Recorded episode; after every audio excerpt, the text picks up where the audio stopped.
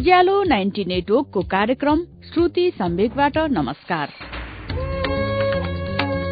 उज्यालो ninety नेटवर्कमा हरेक मंगलबार र शुक्रबार राति नौ बजेको नेपाल खबरपछि कार्यक्रम श्रुति सम्वेक प्रसारण हुन्छ। देशभरिका अठारवटा एफएम रेडियो स्टेशनहरूबाट एकैसाथ प्रसारण भइरहेको कार्यक्रम श्रुति सम्वेगमा हामी वरिष्ठ साहित्यकारहरूका उत्कृष्ट गद्यहरू वाचन गर्दछौं। श्रुति सम्वेकको मंगलबारको श्रृंखलामा आजदेखि हामीले कृष्ण धरावासीको नयाँ उपन्यास आधा बाटो लिएर आएका छौं। यो उपन्यास कृष्ण धरावासीको आत्मकथाको रूपमा रहेको छ। कृष्ण धरावासीको वास्तविक नाम कृष्ण प्रसाद भट्टराई हो। कुल तीन सय चौरासी पृष्ठ रहेको उपन्यास आधा बाटो आजदेखि मंगलबारका केही श्रृंखलाहरूमा प्रसारण हुनेछन्। उपन्यास निकै लामो भएकाले यसको बीच बीचका केही अंश छोडेर हामी प्रस्तुत गर्नेछौ। आधा बाटोको पहिलो श्रृंखला सुनौ अच्युत आवाजमा।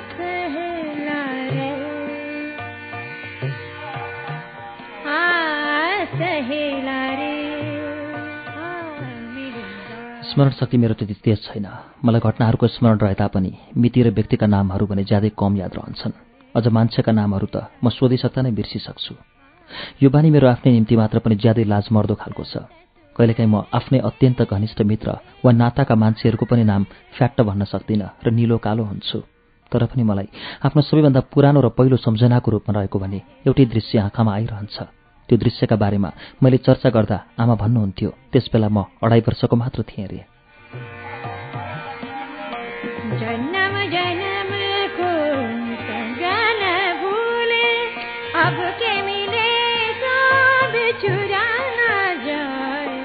म कुनै हिउँनै हिउँले चारैतिर भरिएको पाखामा कसैका काखमा बसेर हलुङ्गेका बटुकामा मासु भात खाँदैछु। यो दृश्य बाहेक अरू मलाई केही सम्झना छैन। त्यसबारे कुरा गर्दा आमाले बताउनु भयो दिदी जन्मिएको चार वर्षसम्म पनि फेरि अरू छोराछोरी नजन्मिएपछि बुबाले पाथीभरा देवीको धाममा गई छोरो जन्मिएदेखि दर्शन गराउन पनि ल्याउने र एकजोर कालो सेतो चम्बर चढाउने भाकल गर्नुभएछ।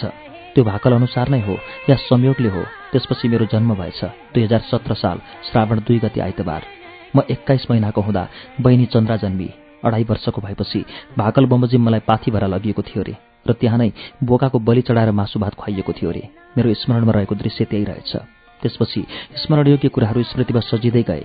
पाँच वर्षदेखि यताका म धेरै कुराहरू राम्ररी सम्झन सक्छु।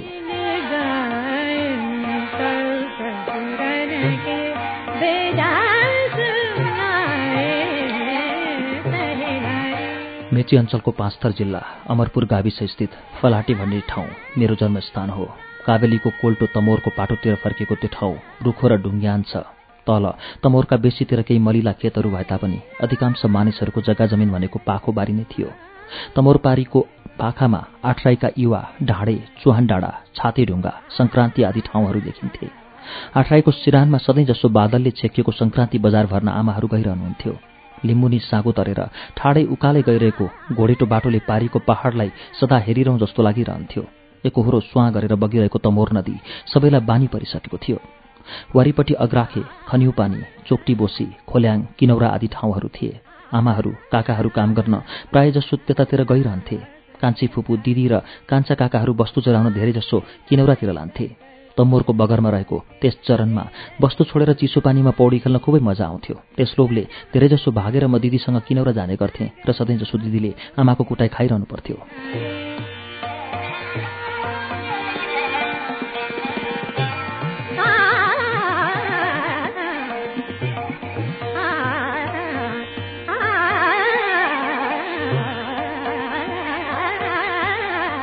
दिदीले मेरो साह्रै माया गर्ने। उनलाई मसँग खेल्न मन हुन्थ्यो तर सधैँ वस्तु हेर्न जानुपर्ने हुँदा खेल्न नपाउने। एक दिन के कामले हो दिदी र मलाई अन्तरे हजुरबाका घरमा पठाइएको थियो। हामी आँगनमा पुग्दा पुग्दै हजुरबाले केराका पातमा ठुल्ठुला डल्ला लिएर आँगन मास्तिरको तुलसीको मठनेर जानुभयो। मैले दिदीलाई हजुरबातिर देखाउँदै भने ए दिदी हेर त हजुरबाले सेता सेता केका डल्ला लिएर जानुभयो? दिदीले भने त्यो त पिण्ड हो खिरका डल्ला चढाउन लगेको। मैले भने बाले त्यो त त्यहीँ राख्नुभयो बरु हामीलाई दिएको भए पनि हुने नि। त्यो कहाँ खानुहुन्छ? खानु हुँदैन दिदीले भने। हामीले कुरा गर्दा गर्दै एउटा कुकुर परबाट त्यसैलाई ताकेर आउँदै गरेको देखेँ। म कुद्दै तुलसीको मठतिर गएँ। म गएको देखेर दिदी पनि मेरो पछि पछि आई। मैले कुकुरलाई धपाएर दिदीलाई भने दिदी त्यो टिप। दिदीले दुवै टल्ला टिपी। के काममा आएका थियौँ? त्यसलाई बिर्सिएर अलिक पर कान्नाले छेलिएर खिरका डल्लाहरू खान थाल्यौँ। आहा कति मिठो। दिदीले कसैलाई पनि नभन्नु भनेकी थिइन्। तर घर पुग्न साथै मैले बुबालाई कति मिठा खिरका डल्ला खायौँ भने मेरो कुरा सुनेर आमाले आत्तिँदै भन्नुभयो मरेछन् पिण्ड पो खाए कि क्या हो यिनीहरूले त?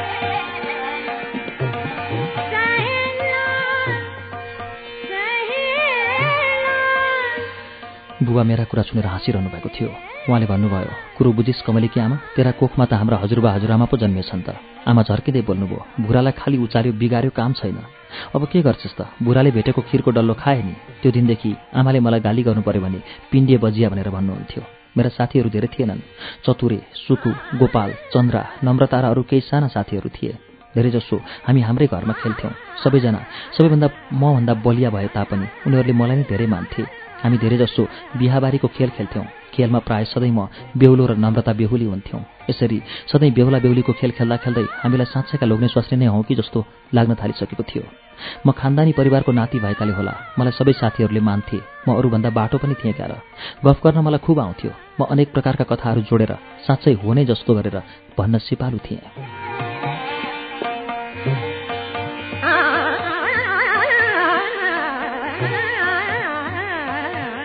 एक दिन हाम्रा अन्तर्य हजुरबाका छोरा साइला काकाले एउटा ठुलो रेडियो ढाकरमा बोकाएर मधेसबाट लिएर आउनुभयो।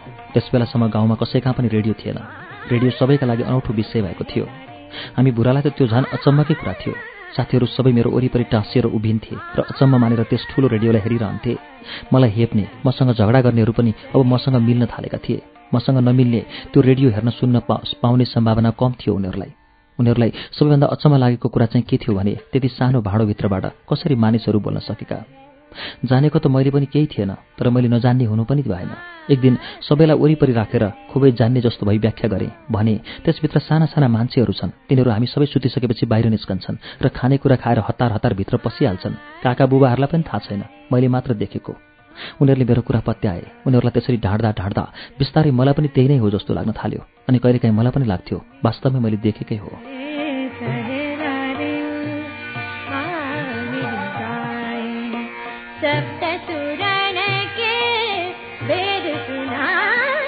मतवाली गाउँले घेरिएको बीचमा हाम्रो मूल घर थियो। प्रशस्त खेतबारी भएका खाने लाउने कुनै समस्या नभएका काइला भट्टराई दधिरामका वंशमा जन्म नपुगेको म जन्मदाखेरि त्यस परिवारभित्रको सबैभन्दा जेठो नाति थिएँ। तर मैले थाहा पाउँदाखेरि हामी मूल घरबाट छुट्टिसकेका थियौँ। मूल घरबाट अलिक माथि एउटा अलग्गै घरमा हामी बस्थ्यौँ।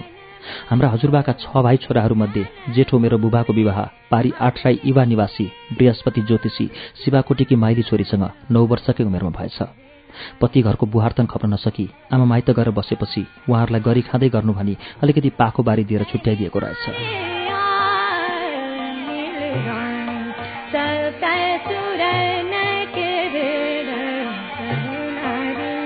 बुबाका दुवै खुट्टा कमजोर थिए। उहाँका खुट्टाका कुर्कुच्चाहरू जमिनमा टेकिँदैनथे लौरो टेकेर बडो असजिलो गरी हिँड्नुहुन्थ्यो। चौध वर्षको उमेरदेखि बिस्तारै बिस्तारै नसाहरू खुम्चदै गएको भनी उहाँ बताउनुहुन्थ्यो। शरीर कमजोर भएको हुँदा खेतीको काम बुबाबाट सम्भव थिएन। बाहिर फेरेका बलका सबै काम आमाले नै गर्नुपर्थ्यो। बुबासँग भने ज्योतिष विज्ञान भएकाले घरमा बसी बसी नै कमाउने गर्नुहुन्थ्यो। टाढा टाढादेखि मानिसहरू चिना हेराउन आउँथे पैसा दिन्थे चामल दिन्थे। हाम्रो खेत थिएन। खेत नभएको हुँदा धान हुँदैन थियो। सधैँ मकैको भात खानुपर्दा कहिलेकाहीँ धानको भात देख्दा ज्यादै हर्ष लाग्थ्यो। ज्यादा जसो मानिसहरू त वर्षमा एकैपल्ट दसैँमा मात्र धानको भात खान पाउँथे। मूल घरमा सधैँ तीन खाले भात पाक्थ्यो।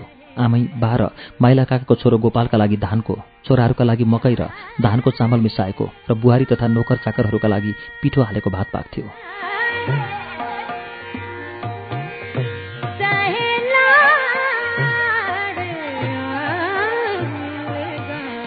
मलाई धानको भात असाध्यै मिठो लाग्थ्यो। त्यसैले म प्रायःजसो सधैँ भात खाने बेला पारेर आमै घर पुग्थेँ। आमै घरमा गोपाललाई एउटा गहिरो झर्के डबकाभरि धानको भात दुध दही मह र घिउ दिइएको हुन्थ्यो तर ऊ त्यसमाथि पनि झगडा गर्थ्यो। मभन्दा दुई वर्ष कान्छो त्यो भाइलाई आमै काखमा लिएर दुध भात खुवाउनुहुन्थ्यो। म त्यो टुलो टुलो हेरिरहन्थेँ। कहिलेकाहीँ मलाई पनि एक कृष्ण लात थाप भनेर एक गाँस हातमा राखिदिनुहुन्थ्यो।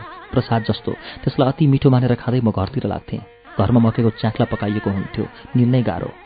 म जन्मैदेखिको रोगी। मलाई दिशा गर्दा जहिले पनि बेर्नु निस्कन्थ्यो। दिशा गरिसकेपछि कसैले झुम्राले बेसरी बेर्नलाई भित्रतिर खाँदिदिनु पर्थ्यो। अमिलो पिरो चर्को तातो चिसो जे खाए पनि मेरो जिब्रो सधैँ खुइलिन्थ्यो। अझै पनि खुइलिन्छ। जिब्रो खुइलिरहने हुनाले नरम नरम खान मन लाग्ने तर धानको भात सधैँ कहाँबाट पाउने? दुई चार दिन दुई चार दिनमा बुबालाई चिना हेराउन मानिसहरू आएपछि भोलिपल्ट बिहान गिली जाउली खान पाइन्थ्यो।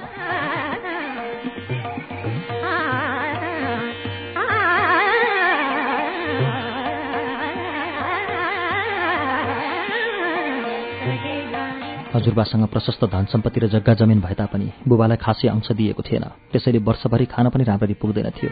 त्यसमाथि सबै खेतीपाती अर्काको भरमा पर्नुपर्ने। खेतालालाई ज्याला दिँदा दिँदै अन्न सकिएर जाने सधैँ निराशा र हिंता बोधले ग्रस्त भएर कति भाँच्ने बरु टाढा कसैले देख्न नसक्ने ठाउँमा जान पाए पनि हुने भन्ने भावना आमा बुबा दुवैमा जाग्न थालेछ। त्यस बेलासम्म चन्द्रामुनि अर्की बहिनी टिका पनि जन्मिसकेकी थिए। परिवारको सङ्ख्या ठूलो आमदानी कम र सरसहयोगको अभावले बुबाको मन निकै बरालिन थालेछ। सबैभन्दा ज्यादा मन दुखेको कुरा बुबागर भन्नुहुन्थ्यो। त्यो वर्षको दसैँ साह्रै दुःख गरी बित्यो। आफ्नो भागमा तीन पाती बिउ जाने पँधेरा मुनिको खेत थियो। खेतको त नाम मात्र फल्दै नफल्ने। सबै गङ्गटाले खोलेर एक थोपो पानी अडिन नसक्ने आफ्नो शक्ति थिएन। खेतालाई आँखै मात्र झुक्क्याउने रही पनि चाडपर्व भनेका आइहाल्छन् नै। त्यो वर्ष खेतमा धानको बाला पनि लागेको थिएन। दसैँ मुखमा आइसकेको थियो। बुढालाई लुगा हाल्न पाइएको थिएन। घरमा धानको चामल त के अक्षतासम्म पनि थिएन। मूल घरमा धान माग्न गए। आँगनमा टम्म धान सुकाएको थियो। आमालाई एक मुरी धान ऋण मागे। आमाले यसपालि धान छैन। जम्मा त्यही तीन मुरी मात्र हो। मूल घरलाई यतिले पनि पुग्ला जस्तो छैन। अन्तै खोज जेठा यसपालि। आशा नगर भनेर भन्नुभयो। त्यसपछि अन्तरे बाबु कहाँ गए? कान्छाले पाँच मुरी धान मात्र छ। यसपालि मधेसबाट बुबा पनि आउने कुरा छ। पैसा नभए धान दिन सक्दिनँ भन्यो। दुई तिन दिन गाउँमा घुमेर कतै धानको बन्दोबस्त हुन नसकेपछि म बडो निराश भएर एक दिन घर बाहिर आठमा बसिरहेको थिएँ। दुई कानला मुन्तिरबाट बाटो काटेर कानलाले छेलिँदै बल जेठो एउटा कुम्लो बोकेर उँभो लाग्यो। कहिल्यै बाटो नकाट्ने मान्छे मूल घरतिरबाट एउटा पोको बोकेर किन मदेखि छेलिँदै भाग्दैछ भन्ने लागेर मैले बोलाएँ। बिचरा बल जेठो अक्क न बक्क हुँदै उही टिलमा कुम्लो बिसाएर बिस्तारै आयो। उसले भन्यो मारिहाल्यो नि हौ भान्जा झन् देख्ला कि भन्दै छेलिँदै हिँडेको कति चाँडो देखेका हौ कति तिठो तिखो आँखाहरू पनि। जेठालाई नदेखाइ लानु है फेरि रिसाउँछ भन्दै थियो दिदी र छेलिनु खोजेको हुँदै भएन। के गर्नु भान्जा? दसैँ मुखैमा आइसक्यो। हामी धान खेत नहुनेको त बिजोकै छ नि के गर्नु? पछि खेतालाई दिने कबोल गरी पाथी दसेक धान मागेर ल्याएको जेठा। तिमीसँग दिदी किन डराएको हो कुनी मसँग त नरिसाउ है भान्जा। हामी त तिमीहरूकै आश्रयको मान्छे त हौ नि।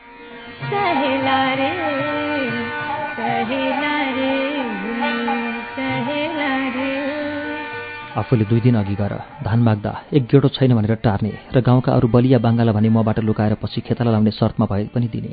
मलाई साह्रै रिस उठ्यो के म तिनीहरूको छोरो होइन?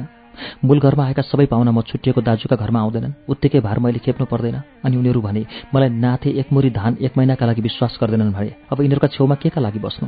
म कमजोर छु लङ्गडो छु केही गर्न सक्दिनँ। आम बाबु भाइहरूले भरअभर हेर्लान् भन्ने आशाले यिनीहरूका छेउमा बस्नुपर्ने। तर उनीहरू भने कुनै प्रवाह गर्दैनन् भने फेरि यिनीहरूको छेउमा बस्नुको औचित्य नै के? भोलिपल्ट। मूल घरमा गएर सबै भाइ बाबु र आमाहरूसँग एक्लै बाजेँ रोएँ। त्यसै दिनदेखि यो ठाउँ छोड्छु। जहाँ पुगौँला पुगौँला तर तिमीहरूका नजिकमा बस्दिनँ। मरे पनि बाँचे पनि। म एउटा लङ्गड हो मेरा सन्तान तिमीहरूका आँखा अघि पसारो पार्दिनँ भनेर उठेँ। त्यो दिन आमाले साह्रै पश्चाताप गर्नुभयो रुनुभयो। कुनै भाइहरू बोलेनन्। बा एक शब्द पनि बोल्नु भएन।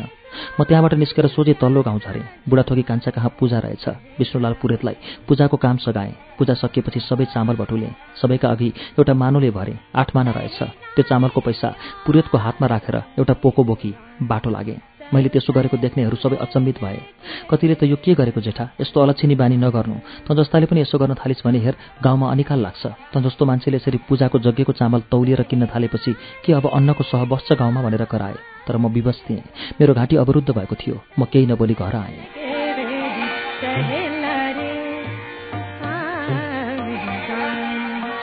नभन्दै त्यो दिन बुबाले एउटा रुमालको पोको ढोकाबाट भित्र आमाको छेउमा पुग्ने गरी हुत्याएर बाहिर आठमा बसेर रुनुभयो। म छक्क परेँ। ठुला मान्छे पनि रुन्छन् भन्ने मलाई पत्यारै थिएन। तर बुबाका आँखाबाट पानी जस्तै आँसु तुरुर बगे। नाकबाट सिँगाना आयो। अनुहार नै साँच्चैको रोए जस्तो भयो। उहाँले बसेकैबाट भन्नुभयो हेर कमलीकी आमा मैले निर्णय गरेँ। अब यस ठाउँमा बस्दिनँ। तिहार सकेको भोलिपल्ट हामी यहाँबाट हिँड्छौँ। भारी कस्न थाल। कहाँ जाने बुबा? हामी कहाँ जाने? मैले बुबाको काखमा बस्दै सोधेँ। त्यसबेला म सात वर्षमा हिँड्दै थिएँ। बुबाले मेरो टाउकोमा हात मुसार्दै मधेस जाने बाबै मधेस अब हामी यस पापी ठाउँमा बस्दैनौँ। यहाँ हाम्रा आफ्ना भन्नु अब कोही छैनन्। सबै मरेतुल्य भए। बुबा फेरि रुन थाल्नुभयो। उहाँको बोली आउँदै आएन। धेरै बेरसम्म उहाँको हात मेरो टाउकामा चलमलाइरह्यो। हेर कमलीकी आमा बरु हामी भोकै मरौँ नाङ्गै हिँडौँ तर यी दुष्टहरूका छेउमा नबसौँ। आफ्नै आमा जब आमा हुन्नन् आफ्ना बाबु जब बाबु हुँदैनन् भाइहरू भाइ रहेनन् फेरि यहाँ हामीले कसका आसमा जीवन गुजार्ने? हेर यो एउटा छोरो छ। यसलाई पढाउन पाइने ठाउँमा जानुपर्छ। बजार र स्कुलका छेउमा बस्नुपर्छ। बजारमा दोकान गर्नुपर्छ। स्कुलमा छोरो पढाउनुपर्छ। कमसेकम पछि यसले त दुःख पाउँदैन। मैले बुबाका मुखतिर हेरेँ। बुबाको अनुहार जोसिलो कठोर र दृढ झैँ भएको थियो।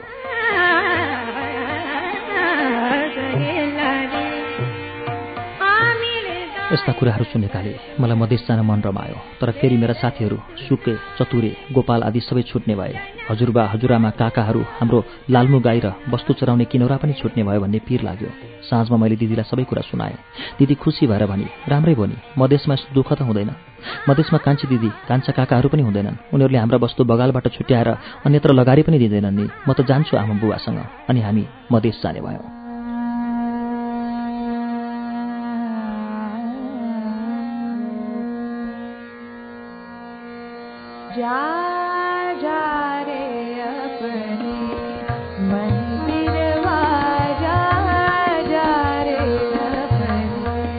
मधेस जाने कुरा कसैले पत्याएका थिएनन्। जेठो झ्वाक्की छ रे छुटेको बेला भन्यो के जान्थ्यो मधेस? मधेस जानलाई उहाँ पनि त टेक्ने समात्ने चाहिन्छ। त्यसै मधेस जान्छु भनेर मात्र कहाँ हुन्छ? मधेस जानेहरू पनि दुःख पाएर फेरि यति फर्केका छन् भने भट्टराई जेठो मधेसमा कसरी टिक्छ? यहाँ पो दुःख सुख जे भए पनि आफन्तहरू छन् भर अभर हेर्छन् भन्ने जस्ता चर्चाहरू गाउँमा चल्न थाले। गाउँका कैयौँ हितैसी मित्रहरू भेट गर्न आउन थाले। बा साँच्चै पो जाने हो कि भनेर शङ्का गर्नेहरू पनि थिए। दसैँ आयो। गाउँभरि रमाइलो छायो। मानिसहरू टिका लगाउन डफ्फा डफ्फा भएर हिँड्न थाले। नयाँ लुगा र मिठो खानेकुरा नै दसैँको मूल विशेषता मूल विशेषता हो। अझ बुढाहरूमा यो ज्यादा रमाइलो हुन्छ। हामी बुढाहरू पनि रमाउँदै दसैँमा कुद्यौँ। हामीलाई कराएसी पीडा केही पनि भएन बरु हामी हाम्रा साथीहरूलाई मधेस जाने कुरा भनेर छक्क पारिदिन्थ्यौँ। हाम्रो दसैँमा टाढा जानु पर्दैन थियो एउटै पाखामा सबै आफन्तहरूको घर भएको हुनाले एकै दिनमा नै सबैतिर टिका लगाइसकिन्थ्यो। मामा घर इलामको साङरुम्बामा थियो। त्यहाँ दसैँमा आइपुग्ने सम्भावना नै थिएन।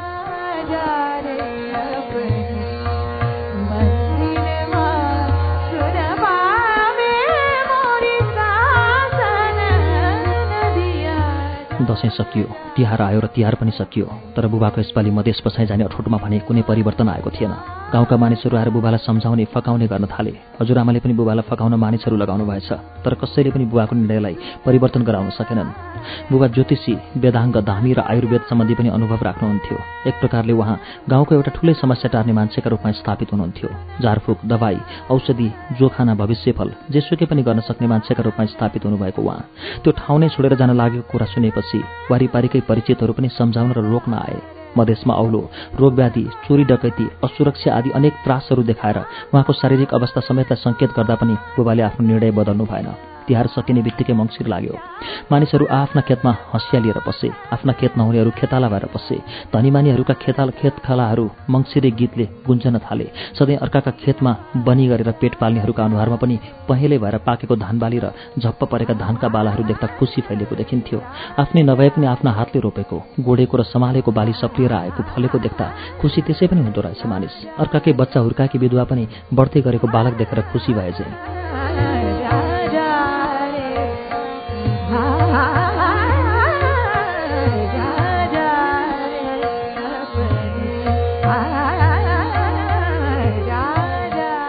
मानिस सानै सन्तुष्टि र सानो आवश्यकता बोकेर बाँचेका थिए त्यहाँ। खास गरी तामाङहरूको बस्ती थियो। गरिब थिए सबै। अर्काकैमा खेताला र बनिबुतो गरेर नै उनीहरूको जीवन चल्थ्यो। हाम्रामा पनि उनीहरू नै काम गरिदिन्थे। तर यसपालि हाम्रो खेतमा पस्नै परेको थिएन। सबै बाली भित्राउने काममा लागे। बुबा चाहिँ खेतबारी बेच्न ग्राहक खोज्न थाल्नुभयो। तर काइला भट्टराईको छोराको जग्गा जमिन बाबुको स्वीकृति नलिए कसले किन्न सक्ने? भट्टराई जेठो बाहेक पनि ऊ मुनि पाँच भाइहरू हकवाला हुँदा हुँदै जस जसले त्यो जग्गा किन्ने कुरा पनि आएन। फेरि त्यसरी जग्गा जमिन ड्याम ड्याम किन्न सक्ने हैसियतका मान्छे नै त्यतिखेर कहाँ थिए र? त्यस बेलासम्म पहाडको जग्गा नापी भएको थिएन धनी पूर्जा पनि थिएन। किनबेचका लागि पनि स्थायी कागजपत्रहरू केही हुँदैन थिए। घर व्यवहार चलाउन। गाउँघरमा सरसापट्टि र ऋणपान त जसको पनि हुने नै हो तर जग्गा जमिन नबिकेपछि ऋण तिर्ने कुनै उपाय पनि भएन र मधेस पनि के लिएर जाने भन्ने सङ्कट पैदा भयो। मधेसमा त्यसै त्यत्रो परिवारलाई कसले खान दिन्छ? आखिर मधेसमा पनि त काम नगरी खान पाइने होइन। त्यसमा पनि अपरिचित ठाउँ छ छजनाको परिवार। मनको अठोटले मात्र कहाँ हुन्छ? तैपनि बुबाले हरेस खानु भएन। जान्छु भनेपछि जान्छु जान्छु। तिमीहरूले सक्छौ जग्गा किनेर विदा गर। सक्दैनौ भने पनि म त्यसै छोडेर भए पनि हिँडेँ हिँडेँ। उहाँले यसरी मूल घरमा आफ्ना कुरा राख्दा पनि तत्काल मूल घरबाट विदा दिने मन चाहे देखिएन। उनीहरूले सहज सोचेका रहेछन् मधेस जान्छन् घुम्छन् आउँछन्। पछि फर्केर आउँदा पनि बस्ने ठाउँ चाहिन्छ। अहिले मासिदिनु हुँदैन। तर उनीहरूको त्यो भलो सोचाइ पनि बुबाको अठोटका लागि भने असहयोग नै साबित भयो।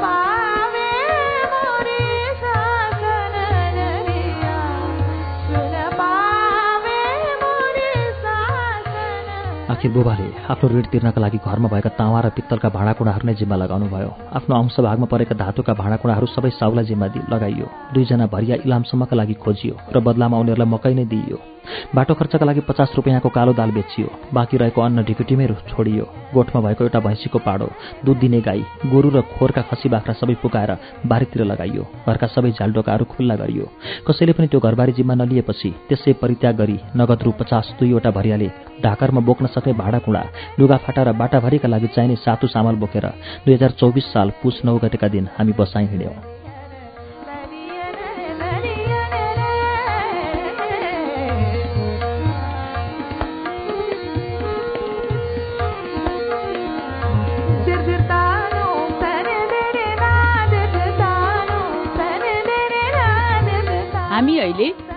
नाइन्टी नेटवर्कको कार्यक्रम श्रुति सम्वेगमा कृष्ण धरावासीको उपन्यास आधा बाटो सुनिरहेका छौं।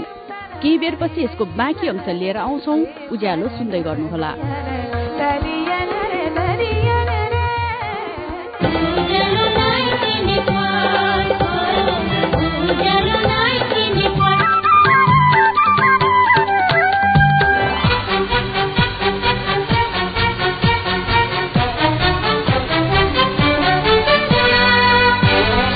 कुरा प्रश्न विचार। उज्यालो 90 नेटवर्क।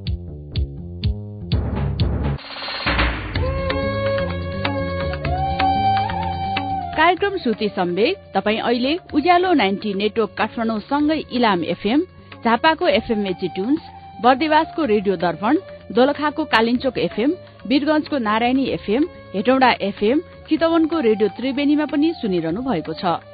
त्यसै गरी तनहुको मादिसेती एफएम फलेवासको रेडियो पर्वत गुल्मीको रेडियो रेसुङ्गा पाल्पाको श्रीनगर एफएम पोखराको रेडियो तरंगमा पनि श्रुति सम्वेक सुन्दै हुनुहुन्छ। यस्तै रेडियो प्युठान दाङको रेडियो मध्यपश्चिम सल्यानको रेडियो राप्ती सुर्खेतको रेडियो फेरी र जुम्लाको रेडियो कर्णालीबाट पनि अहिले एकैसाथ श्रुति सम्वेक प्रसारण भइरहेको छ। श्रुति सम्वेकको आजको श्रृंखलामा हामीले कृष्ण धरावासीको उपन्यास आधा बाटो सुन्दैछौं। अब सुनौ बाँकी अंश।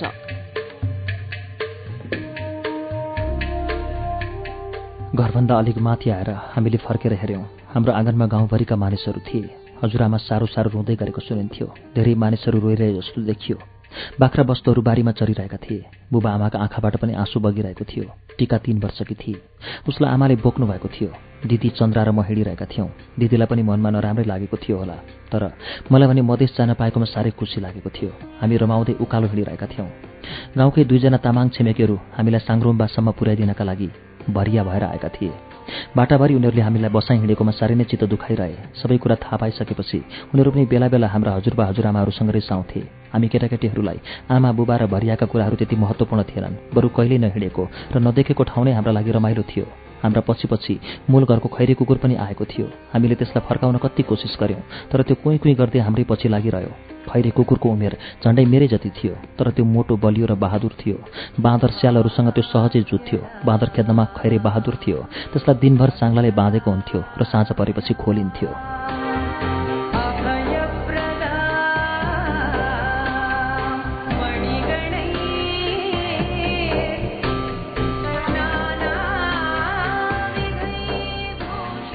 हामी बुढाहरूसँग भने त्यो खुबै मिल्थ्यो। हामी पनि त्यसका शरीरका जुम्रा टिपिदिन्थ्यौँ। धारामा लगेर नुहाइदिन्थ्यौँ। हातमा खानेकुरा लगेर त्यसको चुठुवामा राख्थ्यौँ। तर त्यो प्राय हातैबाट खानेकुरा खान्थ्यो। के भएर हो? त्यो दिन कुकुर बाँध्न भ्याएनछन् मूल घरमा। कुकुरले हामीलाई पछ्याइहाल्यो। तलबाट काकाहरूले च्यो च्यो भनेर बोलाउँदा पनि त्यसले फर्केर हेरेन। खैरी पनि हाम्रै पछि लागेकोमा हामी रमाएका थियौँ। तर बाटामा जब अरू कुकुरहरूले त्यसलाई झम्टिन खोज्थे त्यसबेला मात्र हामीलाई कुकुरले पछ्याएकोमा नराम्रो लाग्थ्यो।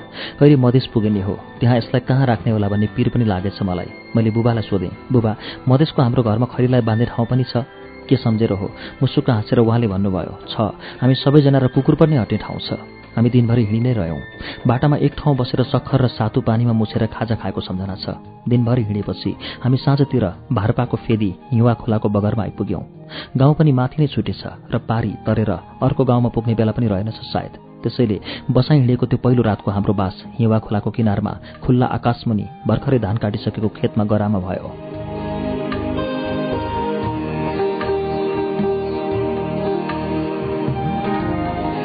हिँड्दा हिँड्दा थाकेर लखतरान परेका थियौँ। यहीँ बास बस्ने आज भनेर भारी विश्वनासाथ हामी बुढा बास पुस्निदाएछौँ राति कति बेला हामीलाई उठाएर आमाले घिउ भात खुवाउनु भयो चन्द्रा बेला बेला रुन खोज्थे दिदीलाई रुगा खोकीले समातिसकेको थियो। सबैजना राति त्यही खेतमा सुत्यौँ। बिहान बिउजदा ओढेको सिरक सबै तुसारोले भिजेको थियो। खोलो रातभरि जस्तै नै ठुलो गर्जनका साथ मधेसतिर बगिरहेको थियो। मलाई लाग्यो हामी र खोलो मधेसमा फेरि भेट गर्छौँ। सुनेको थिएँ मधेसमा खोलो बिस्तारै बग्छ र मलाई बिस्तारै बगेको बेला एकपल्ट त्यो खोलो एक्लै तर्न मन थियो। मधेसमा तर्न पाइएला भन्ने सोचेको थिएँ।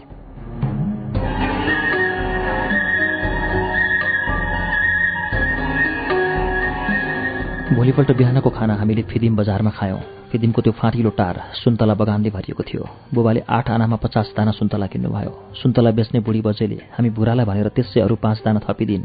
बाटाभरि हामी रमाउँदै सुन्तला खाँदै हिँडिरह्यौँ तर फिदिमबाट उकालो लागेपछि दिदीलाई ज्वरो आउन थाल्यो। दिदी हिँड्न सक्न छोडी उसलाई ज्वरो र खोकेले नराम्रो गरी समात्यो। त्यो दिन बेलुकाको हाम्रो बास लाली खर्कमा भयो।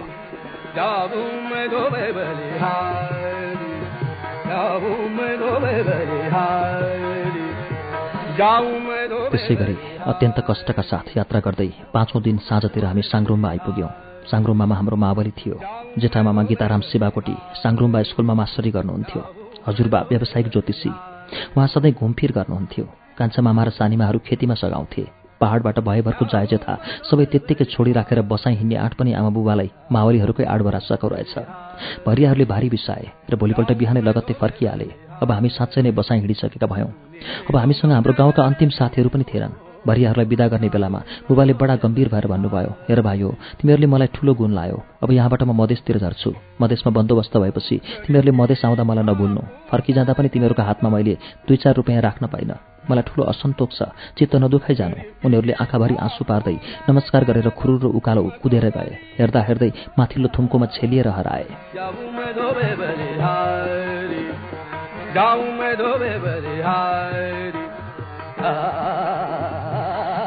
भरिहरूले त एउटा टुङ्गामा ल्याएर हामीलाई छोडिदिए तर वास्तवमा अब हामी बेटुङ्गोका भएका थियौँ। गोजीमा पचासवटा रुपियाँ हालेर छजनाको परिवार कहाँ हिँडेथ्यो होला बसाइ भन्दै। हाम्रो बसाइलाई देखेर मामा हजुरबाहरू सबै रिसाए। अत्तो न पत्तो सरसल्लाह बेगर त्यत्तिकै भइरहेको जायजेथा चट्ट छोडेर आउनुहुने थिएन भन्ने उनीहरूको भनाइ थियो। वास्तवमा बसाइ हिँड्ने नै भएपछि अलिक संयम भएर केही आर्थिक प्रबन्ध मिलाएर नै हिँड्नुपर्ने हो। तर उहाँहरूलाई परेको मानसिक पीडाले यति भावुक र उत्तेजक बनाएछ कि भविष्य नै सोच्नु भुल्नुभयो। साङ्ग्रुममा आइसकेपछि जसको भरोसा थियो त्यहाँबाट सहयोग हुन नसक्ने देखेपछि मात्र आमा बुबाको होस ठेगानमा आयो। तर अब आएको होसले के गर्ने? बाटैदेखि ज्वरो र निमोनियाले आलस तालस भएकी दिदीको अवस्था डरलाग्दो थियो। साङ्ग्रुममा आइपुगेपछि टिका पनि सिकिस्त भई दुई मध्ये एक त नबाँच्ने नै जस्ता हुन पुगे। जति जति उनीहरू सिकिस्त हुन्थे मावलमा हाम्रो बसाइ आउनुलाई मूर्खतामा परिणत गरिँदै जान्थ्यो। माइजू र मामाहरू हाम्रो परिवारको अतिरिक्त बोझले पुरै तर्सिसकेका थिए।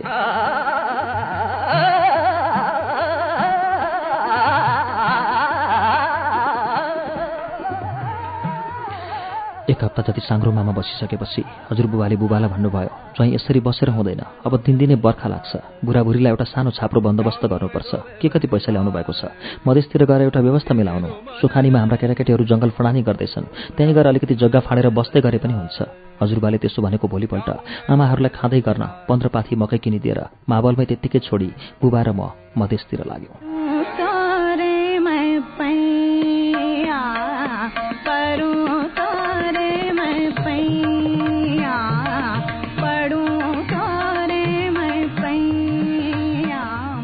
मधेस जाने भन्नु र मधेस जानु भनेको साह्रै फरक कुरा रहेछ। म केटाकेटी नै भए तापनि आमा बुबाहरूका दुःख सुखका कुरा बुझ्ने र भौतिक असुविधाहरू समेत भोग्न बाध्य हुने हुँदा अब मलाई समेत अनिश्चित भविष्यको पीडाले छुन थालिसकेको थियो। साङ्ग्रुम्बाबाट मधेस झर्ने बेलामा भने मलाई साह्रै नै नराम्रो लाग्यो। साङ्ग्रुम्बासम्म त हामी परिवारका मान्छेहरू सबै सँगै थियौँ एकै ठाउँ तर अब हाम्रो परिवार विघटित हुन लागेको थियो। हामी एकअर्को बाटो छुटिँदै थियौँ र त्यो कहिलेसम्मलाई हो थाहा थिएन। दिदी र बहिनी दुवैलाई सिकिस्त बिरामी छोडिराखेर बाध्यताले बुबा र मलाई बदेश हिँडायो। बुबाका कमजोर खुट्टा लौरोको भरले हिँड्नुपर्ने कहिले कहाँ पुगिएला यस्तो यात्रा? हामी निकै ओर आइपुगेका थियौँ। पछाडिबाट कसैले बोलायो मैले फर्केर हेरेँ आमा अलिक पर पछाडि पछाडि आउँदै गरेको देखेँ बुबा पनि उभिनु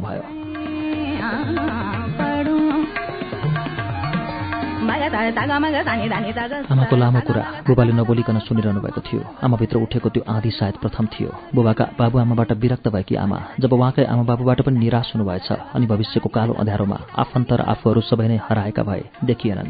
त्यो अनिश्चित भविष्यको काली लाग्दो यात्रामा निस्कन लागेका बुबा र मलाई पर जाँदै गरेको देखेर होला फेरि कहिले भेट होला कहाँ कसरी भेट होला भन्ने अत्यास लाग्दो वियोगले उहाँलाई छोपेको थियो। भन्न त उहाँले फर धेरै कुरा भन्नुभयो तर उहाँले भने जस्तै साहसिक थिएन उहाँको अनुहार र बोली आमाको भित्री मनले हरेस खान थालेको थियो। चार चारजना बालक छोराछोरीहरू काखमा छन्। एउटा अपाङ्गपति जसको बोली र बुद्धि मात्र चल्छ। शरीर चिताए अनुसार चल्दैन। तिनको संरक्षणका भरमा यत्रो परिवारको जहाजलाई कहाँ लगेर किनेर लाउने? कसरी भन्ने चिन्ताले उहाँलाई झम्मै थिचेको थियो। पहाडमा त जे भए पनि जति भए पनि आफ्नो घर थियो जग्गा जमिन थियो छरछिमेक थिए ऐँचो पैँचो चल्थ्यो पर्म चल्थ्यो दुःख थियो दुःख भए पनि परिचितहरूको अनुहार थियो ती सबैबाट टाढा। यो अँध्यारो जङ्गलमा अब असुरक्षा अभाव र आतेश मात्र थिए उहाँका अघि।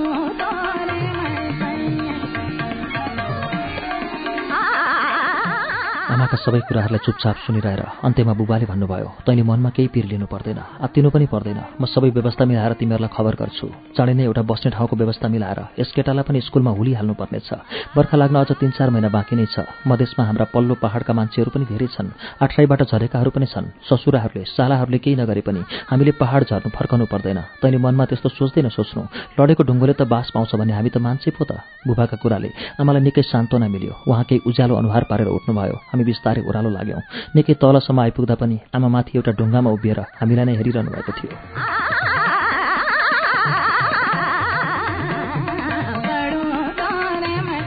एउटा थोत्रे झोलामा बुबाका केही कपडाहरू र मेरा लुगाहरू थिए। एउटा मैलो पुरानो दौरा लगाएको थिएँ मैले। त्यस बेलासम्म कट्टु लगाउने चलन थिएन बुढाले पहाडमा। एउटा दौरा लगाएपछि पुग्थ्यो। ओह्रालोमा बुबालाई हिँड्न ज्यादै कठिन पर्थ्यो। दुवै खुट्टाका कुर्कुच्चाहरू छोटा भएकाले खुट्टाका पन्चाका भरमा मात्र हिँड्न गाह्रो थियो। हामी मथिल्लो साङ्रुम्बाबाट बिहान भात खाएर हिँडेका। दिनभरि हिँडेपछि साँझ झमक्क हुँदा बास बस्न गोलाखर्कको भन्ज्याङमा आइपुग्यौँ। बाटामा बुबा र मेरो बिचमा खासै कुनै बातहरू भएनन्। बरु बुबा एक्लै साउती गरे जत्रो स्वरमा बात मारिरहनुहुन्थ्यो। उहाँको त्यो बानी पछिसम्म थियो। गोलाखरका भन्ज्याङमा बास खोज्यौँ। एउटा पार्टी जस्तोमा हामीलाई बास दिए। पुसको याम लुगा भन्नु शरीरमा लगाएको मात्र। पार्टीमा एउटा गुन्द्री पायौँ ओछ्याउने ओढ्ने थिएन। खानालाई पनि पैसा रहेनछ बुवासँग हिँड्ने बेलामा खाजा भनेर आमाले तरुल उसिनेर झोलामा हालिदिनु भएको रहेछ। अलिकति काँचो भटमास पनि। बुबाले एउटा घरमा त्यो भटमास भुटी माग्नुभयो। तातो पानीसँग भटमास र बिहानै उसिनेको चिसो भइसकेको तरुल खायौँ। भोक र यात्राले थाकेको शरीर। गुन्द्रीमाथि सुत्यौँ तर जाडो यति थियो कि केही गर्दा पनि निधाउन सकिएन।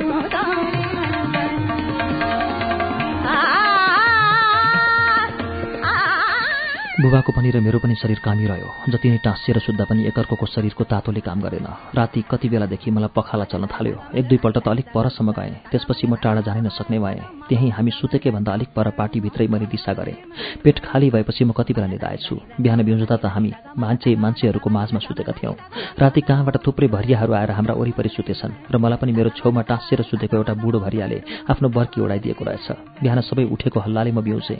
एउटा बुढो भरिया बुबासँग गफ गर्दै थियो यस्तो चिसोमा सानो धुस्सा पनि नबोकी यस्तो बालकलाई लिएर तिमी कता हिँडेको बाजे? मर्छ त ठेङ्गुरिएर राति कस्तो काम गरिरहेका थियौ जाडोले यो नानी। खै कता भन्नु बाबै भाग्यले जता पुर्याउला त्यतै त होला नि। भगवान्ले तिमीहरूको जस्तो बलियो शरीर पनि दिएनन् खान पुग्ने धन बाबु बाजेले दिएनन्। म परिवारै लिएर बसाइ हिँडेको कहाँ पुग्छु मर्छु बाँच्छु केही थाहा छैन। यो एउटा छोरो साथमा छ मनको गाउँ यसलाई ठेगान लगाउन पाए हुन्थ्यो।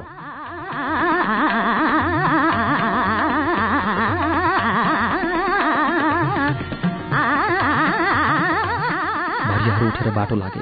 हामी पनि उठेर ओह्रालो लाग्यौँ। चिसो साह्रै थियो। शरीर कमजोर जस्तो भएको थियो मेरो। भोक पनि लागेको थियो तर खानेकुरा थिएन। म केही नबोली लुरु लुरु बुबाका पछि पछि हिँडिरहेँ।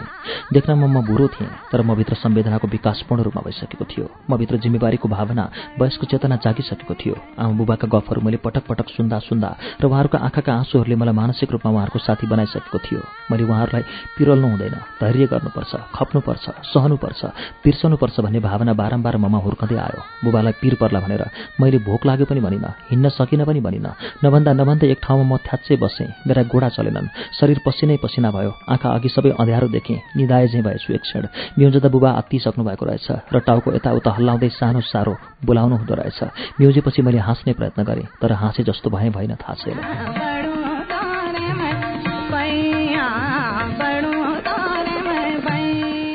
अनि अलिक तलको धारोमा चिसो पानी र हिजोदेखि उसिनेर बोकेको तरुल खायौँ। हामी दुवैले। पानी र तरुल खाएपछि ममा केही शक्ति आए जस्तो भयो। हामी झन्डै दिनको दुई बजेतिर सोक्तिम चिया बगानको ओह्रालो हिँडिरहेका थियौँ। इलामतिरबाट एउटा गाडी आयो।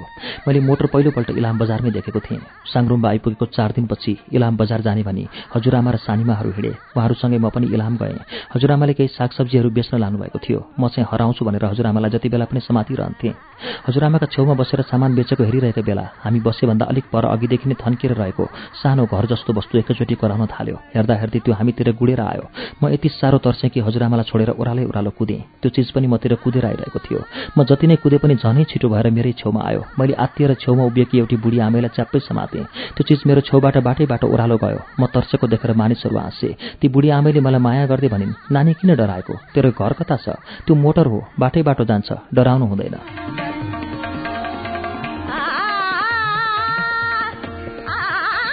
अनि म हजुरआमाबाट हराएछु। मान्छे मान्छेको भिडमा अब कहाँ भेट्नु हजुरआमालाई? म रुन थालेँ। ती बुढी आमैले मलाई डोर्याउँदै फकाउँदै फेरि बजारतिर लगिन्। जाँदा जाँदै अलिक माथिबाट आत्तिँदै हजुरआमा ओह्रालो आउँदै हुनुहुँदो रहेछ। मलाई भेटेर गालामा एक चड्कन जमाइदिनु भयो तर उहाँलाई भेट्न पाएकोमा मलाई दुखेन र बरु अझै कुटे पनि सहने मन भएको थियो तर कुट्नु भएन। पहिलोपल्ट मैले त्यसरी परिचय गर्न पाएको मोटर।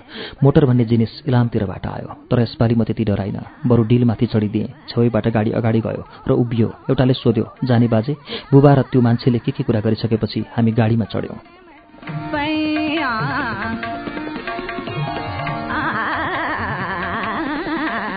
गाडी ओह्रालै ओह्रालो फाल हाल्न थाल्यो। कच्ची बाटोमा गाडी कुद्नुभन्दा उफ्रनु धेरै पर्थ्यो। म गाडीको बीचमा बसेको थिएँ। गाडीबाट बाहिर हेरेँ। वनजङ्गल रुखपात आकाश ढुङ्गा पहाड सब कुद्न थाले। ती सब कुदेको हेर्न मलाई रमाइलो लाग्यो। हेर्दा हेर्दै रिङ्गट लाग्यो। रिङ्गट लाग्दा लाग्दै उल्टी आयो। गाडीभित्रै उल्टी गरिदिएँ। घाम अस्ताउन आँटेको बेला सुखानी खोलाको बगरमा हामी उत्रियौँ। बुबाले गाडीवालालाई केही पैसा नै दिए जस्तो लाग्यो। बगरमा बसेर खोलाको पानीसँग फेरि उब्रिएको तरुल खायौँ र बगरै बगर दक्षिणतिर लाग्यौँ। जुके खाडी भन्ने ठाउँमा जङ्गल फडानी भइरहेको थियो। हाम्रा जहाँ हाम्रा कान्छा मामा माइजूहरू जङ्गल फाँडेर वस्तु पालेर बसेका थिए सोध्दै खोज्दै निकै राति हामी जुके खाडी पुग्यौँ।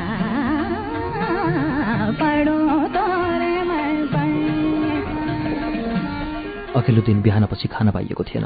जाडो र भोक दुवैले सताएको थियो। कहिल्यै गाडी नचढेको जिउ गाडीले थर्काएर हल्लाएर र उल्टी गरेर शरीर जाति क्लान्त जस्तो भएको थियो। टुङ्गोमा पुगेको थाहा पाएपछि ढुक्क भइए सकाएर म पल्टने बित्तिकै निधाएछु खानेकुरा ठिकठाक पारेर माइजूले मलाई खाना उठाउनु भयो। माइजू मेरी भए पनि नातामा उहाँ फुपू पनि पर्नुहुन्थ्यो।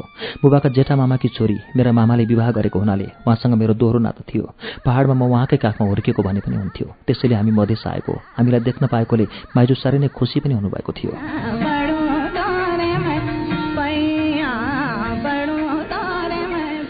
केही दिन हामी झोडामा नै आराम गरेर बस्यौँ। मामा माइजूहरू दिनभरि जङ्गल फाँड्थे आगो लगाउँथे जङ्गल फाँड्ने असङ्ख्य मानिसहरू थिए। जङ्गलबाट काठ दाउरा लिएर जानेहरूको पनि धुइरो थियो। जङ्गल फाँडेर त्यहाँभित्र स्याउलाको घर बनाएर मानिसहरू बसेको कस्तो राम्रो देखिन्थ्यो। मलाई जङ्गल रमाइलो लाग्थ्यो। राति नजिकै बाघ कराउँथ्यो। कसै कसैका छाप्राबाटै राति बाघले बाख्रा घिसार्थ्यो। कति मान्छेहरूलाई बाघले चिथोरेको कुरा पनि ठुलाहरूले गरेको म सुन्थेँ। बाघ भालुको कुरा सुन्दा भने मलाई खपिन सक्ने गरी डर लाग्थ्यो तर राति निधाएपछि बिहान नभएसम्म म केही थाहा नपाउने गर्थेँ।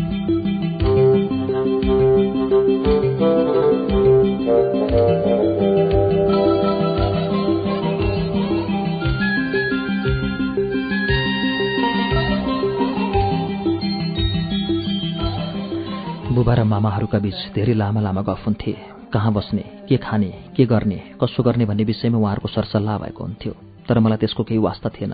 मधेस आइपुगेपछि भने म ढुक्क भएको थिएँ। अब खास टुङ्गोमा आइपुगेको छाकेपछि धानको भात पनि खान पाइएको जङ्गलमा खेल्न रमाउन पनि पाइएकोले म साह्रै खुसी थिएँ। केही दिनपछि बुबाले मलाई पछि लगाएर फेरि यात्राको प्रारम्भ गर्नुभयो। जुके खाडीको झोडाबाट पाखा निस्केर हामी टाइटिङ दिरिङ ककवाली फुलमती आदि खोलाहरू तर्दै शनिश्चरीतिर लाग्यौँ। टाढैबाट। शनिश्चरी बजारका Krishna rice mill Nepal rice mill र पूर्वाञ्चल राइस मिलका अग्ला अग्ला चिम्नीहरू देखिन्थे। बिहान सात बजे दिउँसो बाह्र बजे ती मिलहरूले संसारै थर्काउने गरी सिटी लगाउँथे। मिलको सिटी सुनेर मानिसहरू समयको उपभोग गर्थे। हामी बिहान सात आठ बजेतिर शनिश्चरी बजार आइपुग्यौँ। मैले पहिलोपल्ट शनिश्चरी बजारमा साइकल देखेँ। दुईटा नाङ्ला जस्ता चक्कामाथि मान्छे बसेर आफ्ना खुट्टा तलमाथि तलमाथि पार्दा त्यो कुदेको देखेर म साह्रै चकित भएँ। आवाज पनि छैन। त्यसै छोड्दा अडिन पनि सक्दैन तर त्यो कसरी गुडेको होला? मलाई जीवनमा सबैभन्दा ठुलो आश्चर्य लागेको त्यो पहिलो दिन थियो। अझै पनि त्यस दिनलाई सम्झेर साइकललाई निहालेर हेरेँ भने मलाई आज पनि उस्तै आश्चर्य लाग्छ।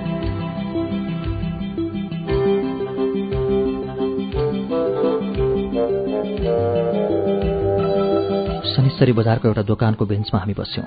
मानिसहरू दोकानका छेउमा बाहिरपट्टि उभिएर हिउँदका घाममा ढाड सेकाइरहेका थिए। दोकानबाट चिया मिठाई नास्ता आदि मगाएर उभिएरै खाँदै विभिन्न खाले गफहरू गर्थे। तर म उनीहरूले बोलेको केही पनि बुझ्दिनथेँ उनीहरू अर्कै भाषा बोल्थे। हाम्रो पहाडमा तामाङ राईहरूले बोले जस्तै बेग्लै भाषा जहाँ पनि मैले नबुझ्ने खाले बोली बोल्ने मान्छेहरू भएको देखेर मनमा नै दिक्क लाग्यो। अब जहाँ जाँदा पनि यस्तै बोल्ने मान्छे मात्र भयो भने आफूले पो कसरी बोल्ने होला जस्तो आतेश पनि लागेर आयो। बुबाले दोकानेसँग केही कुरा गर्नुभयो। म भने ठुलो ठुलो बजार वरिपरि हेरिरहेको थिएँ। घरि मोटर आउँथ्यो घरि साइकल आउँथ्यो। दोकानेले एक एकवटा प्लेटमा साना साना सेलरोटी जस्ता ल्याएर दियो। बुबाले खा भनेपछि मैले एउटा टिपेर मुखमा हालेँ। आहा कति मिठो मह हालेको रहेछ। मुखभरि तहेरीको रस भरिए जत्तिकै भयो। बुबाले भन्नुभयो जुल्फी भनेको यही हो कस्तो लाग्यो? मिठो छ। मैले भनेर कपाकप खाएँ। जीवनमा पहिलोपल्ट त्यस्तो मिठो वस्तु खान पाएको थिएँ। अझै अघाउन्चेल खान पाए पनि हुन्थ्यो भन्ने लागिरह्यो।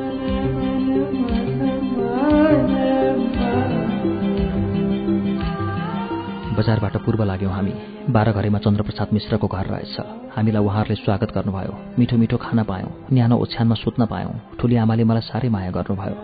अब यस केटालाई स्कुल हाल्नुपर्छ। टठिलो रहेछ। यसले पछि धेरै पढ्छ भनेर कुरा गरेको सुने। जहाँ पनि पढाउने मात्रै कुरा गरेको सुन्दा भने मलाई साह्रै दिक्क लाग्यो। अब सधैँ पढेको पढाइ गरेपछि खेल्ने चाहिँ कहिले होला? मलाई खेल्न नदिने रहेछन् भनेर पिरले सताउन थाल्यो। केही दिन त्यहाँ बसेपछि हामी फेरि शनिश्चरी बजारतिर लाग्यौँ। म जुल्फी खान पल्किसकेको थिएँ तर बुबासँग पैसा छैन भन्ने पनि मलाई थाहा थियो। त्यसैले मैले उहाँलाई पिरिनँ। बजारबाट दक्षिण जाने एउटा सडक थियो। त्यही बाटो भएर घरिघरि मोटरहरू आइजाइ गरिरहेको देखिन्थ्यो।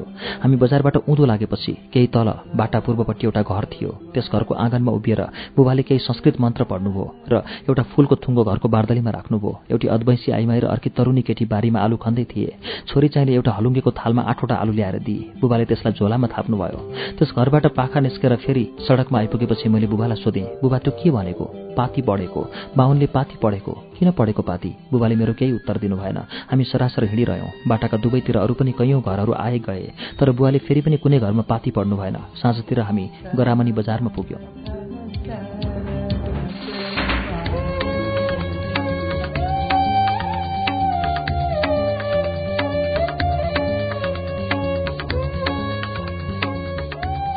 कार्यक्रम श्रुति सम्वेगमा भर्खरै वाचन भयो कृष्ण धरावासीको नयाँ उपन्यास आधा बाटोको पहिलो श्रृङ्खला। यो उपन्यास उहाँको आफ्नो आत्मकथाको रूपमा भर्खरै बजारमा आएको हो। आजको पहिलो श्रृङ्खलामा उपन्यासकारले आफ्नो बाल्यकालका संस्मरणहरूको व्याख्या गर्नुभएको छ। कसरी पहाड़बाट आफ्नो परिवार मधेस आयो र एउटा सात वर्षको बालकले त्यो बेला के के सोच्यो भन्ने प्रसंग आजको वाचनमा रहे। कृष्ण धरावासीले जुल्फी खाएको अनुभवसम्म पुगेर उहाँका बुवाले पाती पढेको भन्ने प्रसंगसम्म आजको वाचनमा रह्यो। बाँकी प्रसंग अब अर्को साता। हवस्त श्रुति सम्वेगमा आज वाचन गरिएको उपन्यास आधा बाटो बारे तपाईका केही प्रतिक्रिया सल्लाह सुझाव वा विश्लेषण भए हामीलाई लेखेर पठाउनुहोला। हाम्रो ठेगाना हो कार्यक्रम श्रुति सम्वेग पोस्टबक्स नम्बर छ चार छ नौ काठमाडौँ। र इमेल ठेगाना हो एसएचआरयुटीआई unn.com.np आउने मंगलबार आजकै समयमा कृष्ण धरावासीको आधा बाटोको दोस्रो श्रृंखला लिएर आउनेछौ। त्यसअघि शुक्रबारको श्रुति सम्वेगमा हामी विश्वेश्वर प्रसाद कोइरालाको उपन्यास बाबु आमा र छोरा सुनाउँछौ। त्यसबेलासम्मका लागि प्राविधिक साथी दिनेश निरौला र विशालजित पालिकेसँगै अच्युत घिमिरे र म मण्टेश्वरी राज भण्डारी पनि विदा पाउ शुभरात्री।